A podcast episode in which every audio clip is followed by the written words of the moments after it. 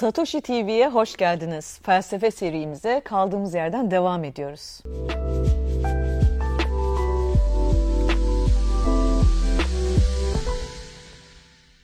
Geçenlerde bir kafe havalı bir filozof ismi verdikleri için seçtim ve çok geçmeden buranın bildiğimiz Sokrates'le alakası olmadığını acı bir şekilde anladım. O yüzden baştan uyarayım. Bugün Brezilyalı futbolcu Sokrates'ten değil, düşünür Sokrates'ten ya da Sokrat'tan bahsedeceğim. Felsefe deyince benim aklıma ilk gelen felsefecilerden biri Sokrates'tir. Neden mi? Batı felsefesinin temelini oluşturan, hayata dair temel soruları dillendirip felsefenin babası ünvanını kazanan bir figürdü de ondan. İlginçtir. Meydanlarda konuşmuş, arkadaşları ve öğrencileriyle diyaloglara girip onları zorlamış ve rahatlarını bozmuş ve fakat geriye matbu bir cümle dahi bırakmamıştır. Peki nasıl oluyor da felsefenin babası oluyor? Öğrencileri Platon ya da Eflatun ve Xenofon ve oyun yazarı Aristofanes sayesinde onun düşüncelerini biliyoruz. Platon'un eserlerinde Sokrates genelde başrolü çalar. Xenofon ve Aristofanes Sokrat'ın Atinalılarla yaptığı muhabbetlerini kaleme almıştır. Platon'un erken dönem Sokrates diyalogları gerçek Sokrates'e daha yakın olduğuna inanılır. Anlayacağınız öğrencisi zaman içerisinde hocasını daha da kurgalamıştır. Gerçi her biyografik eser bir otobiyografik kurgu değilse nedir? Ama korkmayın buraya saplanmayacağım. Platon, Sokrates'in hayatının evrelerine hem Devlet adlı eserinde hem de Euthyphro, Apology yani özür, Krito ve Phaedo gibi farklı diyaloglarında yer vermiştir ki Sokrates'in akıbetini bunlardan biliyoruz. Ama bu bir taraftan da onu özgürleştirmiştir. Zira onunla ilgili her yazıda yeni bir Sokrat doğmuştur. Velhasıl her çağın kendi Sokrat'ı vardır denilir. Atinalı Sokrates milattan önce 469 yılında doğduğu ve 399 yılında öldüğü söylenir. Aslında babası gibi bir taş ustası ve heykeltıraştır. Hem de antik çağın hatır sayılır heykeltıraşlarından biri. Atina'daki Akropolis'e giden yoldaki üç güzel heykelinin ona ait olduğu yazılmıştır. Heykel durmuyor, onu aramaya çalışmayın lütfen. Hayatı boyunca pek çok işe girip çıkmıştır. Hatta bir noktada askerlik bile yapmış, Peloponnes Savaşı'nda savaşmış, Potidaea Savaşı'nda da ünlü general Alkibiades'in hayatını kurtarmıştır. Ta ki Delphi kehanet merkezinde kahin bir hanım onun dünyanın en zeki adamı ilan edene kadar. Parantez zamanı. Bilenler bilir. Antik Yunanların pek çok kehanet merkezi vardı. Bunlardan bazıları Batı Anadolu'daki Klaros, Didimes, Miletus, Teos ve Bergama gibi yerlerdeydi. Bazıları da Dodono, Olimpia, Argos, Delos ve Oropos gibi günümüz Yunanistan'da kurulmuştu. Tüm bunların arasında Delphi'nin yeri başkaydı. Milattan önce 5. yüzyılda şair Pindar ya da 2. yüzyılda yazmış olan ünlü coğrafyacı Posenias'tan da bildiğimiz üzere Parnassus Dağı'nın eteklerinde kurulmuş olan bu kutsal mekanda insanlar ve krallar sıraya girer ve savaşların akıbetinden tutun evliliklere kadar her konuyu Apollo'nun kainleri olan Pitea rahibelerine danışırlardı. Efsaneye göre Zeus dünyanın iki ucundan iki kartalını salıp bir taş atmıştı. Bu taş Delphi'ye düşünce burasını dünyanın merkezi ilan etmiş, düşen taş ise dünyanın göbek taşı olarak nam salmıştı. Anlayacağınız Delphi sadece esatirlerde yer almış bir merkez değil, hayat ve hüküm değiştiren konuların danışıldığı bir kutsal mekandı. Önemli kararları vermeden önce hükümdarlar ve ahali Delphi'ye gidip Apollo'nun kutsal rahibelerine danışır ve aldıkları cevaba göre hareket ederlerdi. Nitekim Sokrat'ın arkadaşı Kerafon yolu buraya düşüp dünyada Sokrates'ten daha zeki bir insan var mı sorusuna yok cevabı alınca ne olmuştur biliyor musunuz? Acaba bir orta yaş krizine girmiş olan Sokrates ne yapsam ne etsem diyerekten iç seslerinin karıştığı bir zamanda Pitea adı verilen kain kadının cevabından ne çıkarmış olabilir? Krallardan kölelere, herkesin dinlediği bir kahin size dünyanın en zeki adamısın dese siz ne yapardınız? Sokrates, ben çok akıllıyım, iş gücü bırakıp felsefe yapacağım mı demiştir? Hayır. Bu gaz Sokrates'i tam tersi bir yere iteleyip agnostik damarını kaşımıştır.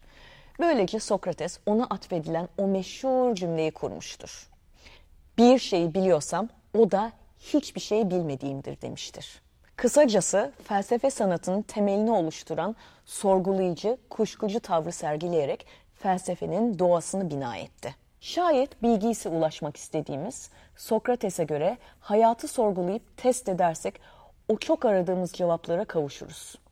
Dünyanın en zeki adamı ben aslında hiçbir şey bilmiyorum diyerek tevazu ödülünü kapma peşinde değildi elbet. O kahinin zırvaladığı dogmayı yerle bir etme çabasına girip gerçek olarak kabul edilen her şeyi sorgulayarak teze karşı antitezi ortaya atarak aslında istemeden de olsa kaini haklı çıkarmıştır.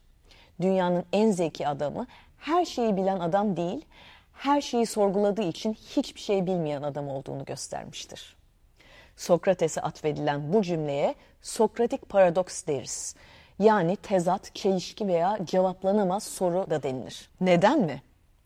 Hakikat denilen muamma gerçek kabul edilen olgularla kanıtlanır. Sokrates Delfi'deki hayırlı faldan sonra Elenchos ya da Sokratik metot adı verilen bir sorgulama sistematiği kurarak bir argümanı lime lime ederek onun özünde yatan hakikata kavuşmayı hedefledi.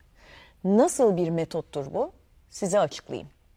Bir argümanı alırsınız. Mesela adalet nedir diye sorarsınız. Sonra bu soruyu analiz ederken argümanları ayakta tutan farklı hipotezleri masaya yatırır ve gerçeklik kavramıyla bağdaşıp bağdaşmadığına bakarsınız. Buna da eleştirel düşünce deriz ki günümüzde post-truth çağında neyin gerçek neyin tevatür olduğunu birbirine fena halde karışmışken en basit mevhumlar bile bulanmış, en temel bilgiler bile şehir efsaneleriyle gölgelenmişken Sokratik metot düşünmeye çalışmak belki eskide olduğundan daha da elzemdir. Bu arada günümüzde Sokrat'ın sorduğu tarzdaki soruları alıp Atina'nın dışına çıkarak Japonya'ya, Kore, Meksiko City, İspanya gibi yerlere gidip tıpkı Sokrates gibi sokaktaki insanlara cesaret nedir, iyilik nedir gibi sorular sormuş olan bir Christopher Phillips'iniz var. Benim de size naçizane bir tavsiyem olacak. Bir gün arkadaşlarınızla buluştuğunuzda saatlerce oturup ülkenin hallerinden şikayet edip o şunu demiş, şu şunu yapmış vesaire vesaire gibi şeylerle saatlerinizi geçireceğinize Sokratik bir oyun oynayın ve temel bir soruyu ortaya atın ve onu tartışın. Bakalım neler göreceksiniz. Bu sayede de arkadaşlarınızı tanımış olacaksınız. Sokrates'e göre hayat sorgulayarak anlamlı ve güzeldi. Yiyip içip işten eve, evden işe koşturup uyumak diye betimleyebileceğimiz hayatı anlamlandırmak için neden yaşadığımızı, gayelerimizi, hayallerimizi, niteliklerimizi ve nice başka ecinlilerimizi hatırlayıp kendimizi diğer ölümlü hayvanlardan ayırmamız gerekir. Sokrates bunu yapmıştır. Durağan ve norm kabul edilmiş her meselenin içine çomağını sokmuş, ortalığı karıştırmıştır. Nitekim tüm bunlar iyi güzel de sorgulamak her zaman tehlikeli olmuştur. Belki Sokrates'in Sokratik diyalog olarak nam salmış olan sorgucu, dillendirici ve her şeye aslında problematize edici hali ülkede hayatımızı zorlaştırır. Komşumuz İran'da idama götürür. Biz de hapse attırabilir. Neyse oraya girmeyeceğim ama sonuçta düşünmek çok masum olmayabilir, tehlikelidir. Sokrates'in hayatı bize hayatı ve hükümeti, kendimizi ve tanrılarımızı sorgulamanın neyle sonuçlandığını da gösteriyor. Zira ölümü belki yaşamından bile daha iyi biliniyor. Milattan önce 399 yılında Atinalı gençlerin akıllarını çelip onları kötü yola soktuğu için ha bir de tabii şehrinin tanrılarını kale almadığı veya hürmet etmediği için mahkemeye çıkarılmıştır. Dava kaç gün sürmüştür biliyor musunuz? Tahmin edin. Bir. Evet, tam bir günün sonunda idam kararı verilmiştir. Platon'un Apology ya da Özür adlı eserinde detaylıca işlediği mahkeme sürecinde diğer Atinalılara reva görüldüğü gibi sanık Sokrates'e su saatine izin verdiği kadar zaman verilerek kendisini savunması istenmiştir. Platon'un Apology adlı eseri bu savunmanın metnidir. İşte Delphi'deki kahinden burada bahseder ve sorgulayıcı varoluş biçimini böyle izah eder. Sonuçta 500 kişilik Atinalı'dan oluşan jüri Sokrates için idam kararı verir ve hücreye tıkılır.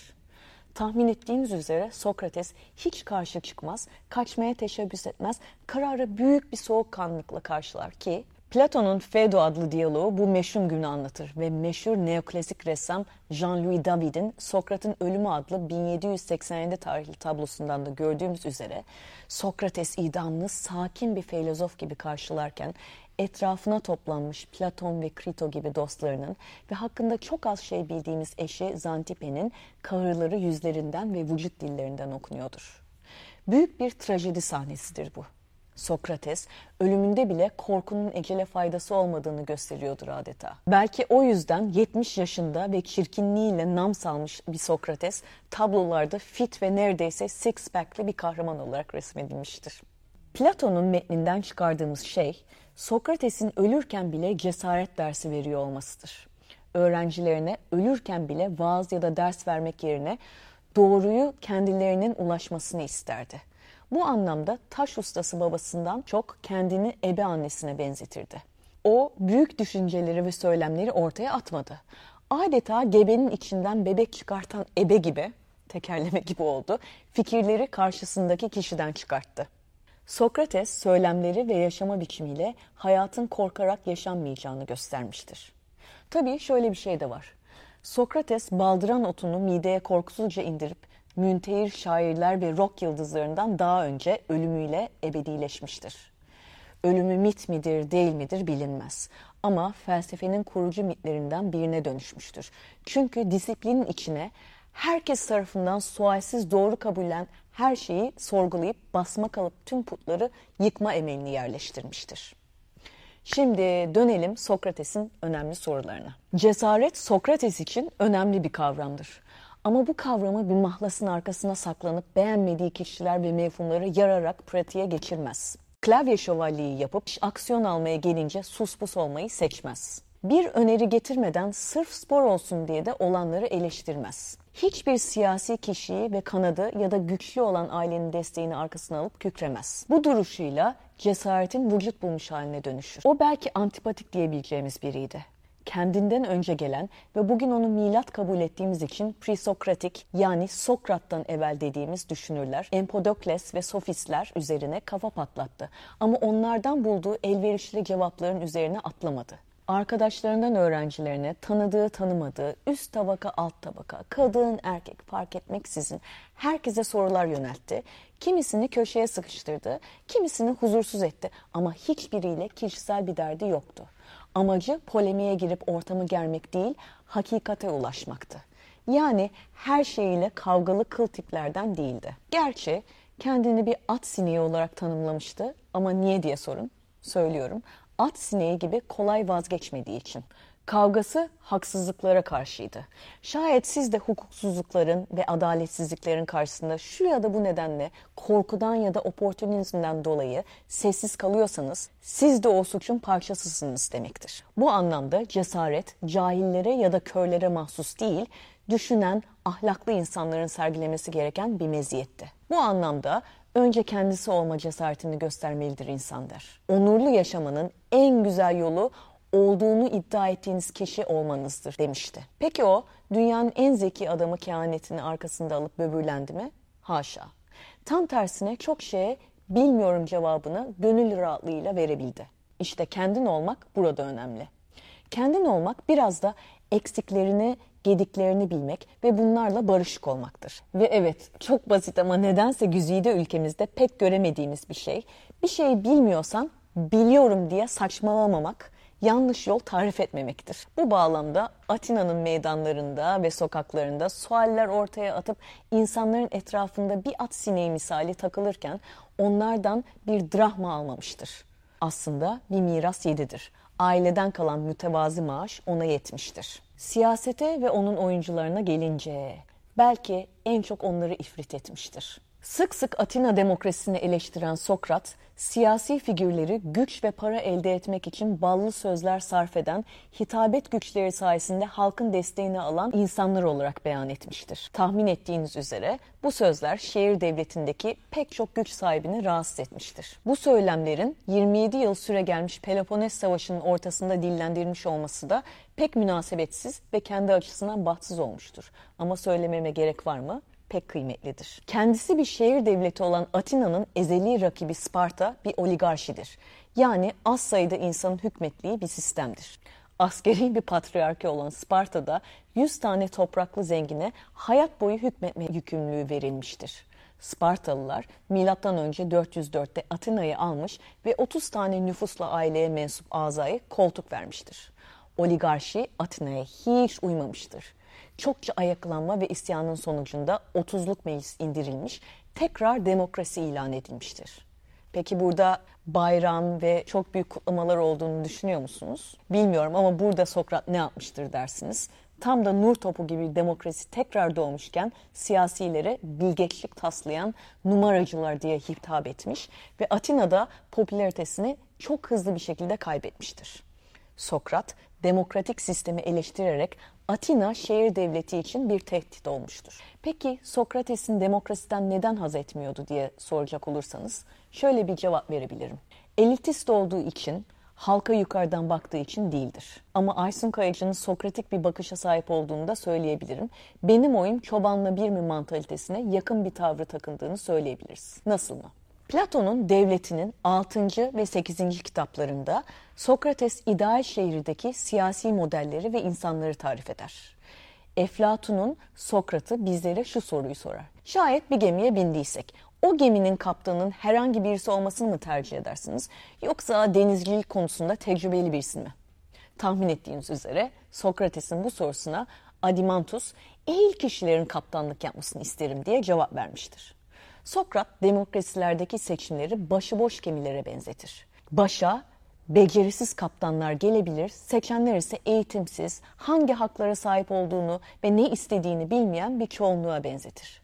Bu sorumsuz kaptan ve yolcuların fırtınalı denizlerde batması kaçınılmazdır. Devletin 8. kitabındaysa mükemmel olmayan insanın adaleti ve hükümetleri de yozlaşmaya ve bozulmaya açık olduğunu izah eder. Oligarşiler demokrasiye evrildiğinde elinde gücü tutanlar da para hırsı depreşir ve az sayıdaki insan çok zenginleşirken çoğunluk sürünmeye başlar. İşsiz ve aç çoğunluk elinde sermaye tutanlara karşı bilenip onları devirmek için kolları sıvar. Saraylılar ve zenginler ise halkın durumuna dair gün geçtikçe körleşir. Sonunda insanlar ayaklanır, bazı zenginleri öldürüp diğerlerini kovalar yeni bir anayasa ve demokrasi kısvesi altında adil bir sistem kurduklarını sanırlar. Fakat buradaki mesele yine liyakat olur.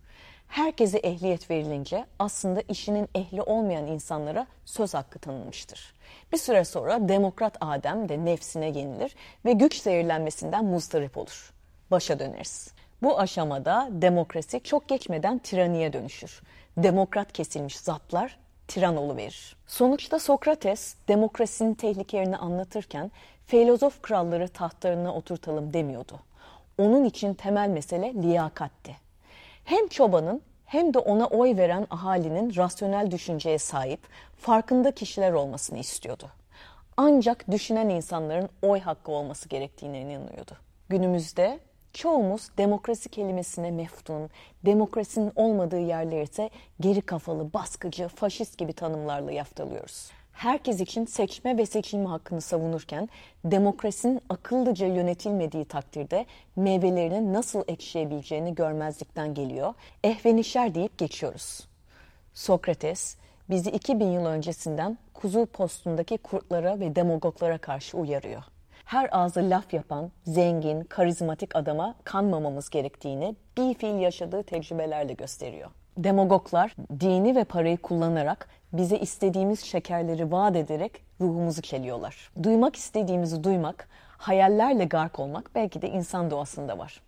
Ama siyaset, savaş ve siyaset tiyatrosunda iyi bilen Sokrates bizlere parıldayan ambalajın altındaki kof sözlere kanmamamız gerektiğini, önce kendi haklarımızdan haberdar olup dürüst, cesur, çalışkan insanları kaptanımız ya da temsilcimiz olarak seçmemizi vaat ediyor. Demokrasinin tehlikelerinden bahsetmiş olan Sokrat'ımız sonunda demokrasiyle gitmesi de kaderin bir cilvesidir. Çok ironiktir. En nihayetinde 500 kişiden mürekkep demokrat bir jüri onu tehlikeli bulup idama göndermiştir. Çünkü düşünmek, her daim ezberleri bozmak, birilerini rahatsız etmektir. Yine de her şeye rağmen ödün vermemesi, popülist söyleme kendini kaptırmayıp her dönemin adamı olmaması bize binlerce yıl sonra bile ilham veriyor ve verecek. Ne demişti Sokrates? Sorgulanmayan hayat yaşamaya değmez. Öyleyse soralım, sorgulayalım, arayalım. Doğru yolu bulduğumuzu düşündüğümüz anda rehavete kapılmayıp yine yollara düşelim. Çünkü hayat kısa, yollar uzun, yolculuktur tatlı olan. Sokrat'ımıza veda ederken sizlere küçük bir hatırlatma yapmak istiyorum. Satoshi TV'yi izlemeyi ve Spotify Podcast'ten bizi takip etmeye devam edin lütfen. Haftaya görüşmek üzere. Hoşçakalın.